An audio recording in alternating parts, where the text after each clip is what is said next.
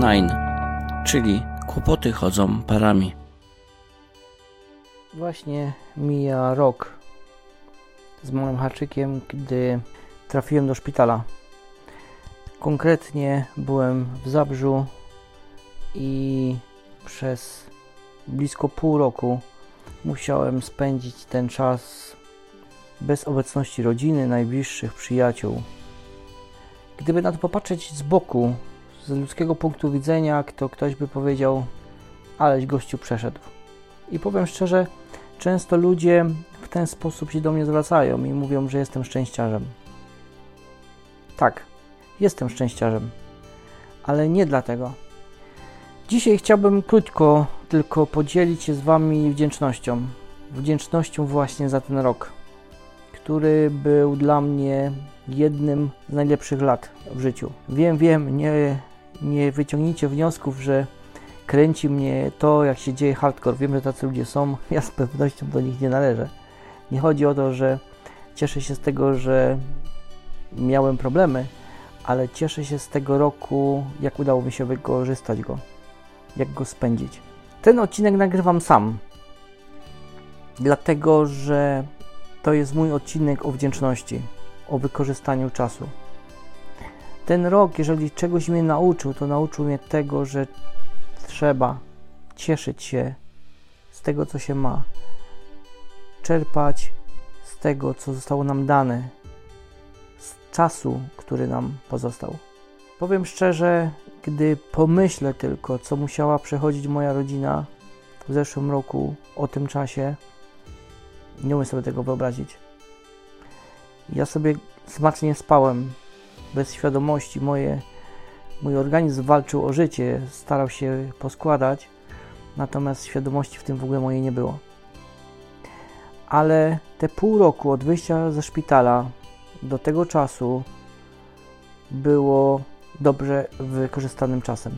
Wykorzystanym czasem mm, przede wszystkim dzięki Bogu, bo co jak co, ale tego jestem pewny, gdyby nie cud, jestem tego żywym przykładem, to mnie już po prostu nie ma. Właśnie moja rodzina by obchodziła prawdopodobnie pierwszą rocznicę pogrzebu. A ja żyję. I ten rok, te pół roku w sumie zostało wykorzystane naprawdę w dobry sposób. Wykorzystaliśmy go rodzinnie.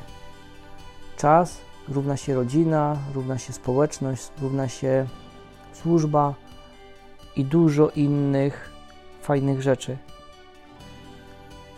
To było naprawdę coś wyjątkowego. Ten czas był naprawdę wyjątkowy i za to jestem wdzięczny.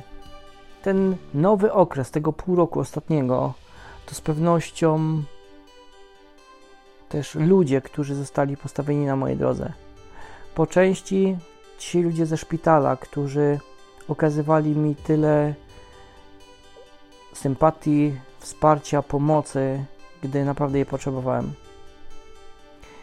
Później moi przyjaciele, którzy wspierali i moją żonę, moją rodzinę, ale też wspierali i byli zawsze obok, gdy tego było trzeba. Dobrym słowem, żartem, społecznością, wyjazdem.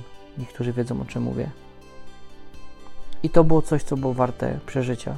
I na zakończenie pewna refleksja, pewne myśli, które towarzyszą mi od jakiegoś czasu. Łatwo się przyzwyczaić do jakiegoś stanu i uznać to za normę. Nie ma czegoś takiego. Jeżeli w Twoim życiu, w Twoim związku dzieje się coś nie tak i do tego się przyzwyczaisz i zaakceptujesz, to przestaniesz o to walczyć, bo uznasz, że tak już po prostu musi być. Ale też w drugą stronę, jeżeli w Twoim związku czy życiu jest dobrze, to nie możesz przestać działać, nie możesz przestać starać się o to, aby on był jeszcze lepszy, aby był świadomy, aby był spełniony i aby okazywać swojemu wspólnikowi to, co się mu należy, co powinno się okazywać. Tym akcentem zakończę dzisiejszy krótki odcinek, ale chcę Was zachęcić, a zarazem podziękować. I jeszcze na koniec jedna rzecz. Chciałem podziękować wszystkim tym, którzy słuchają tych odcinków.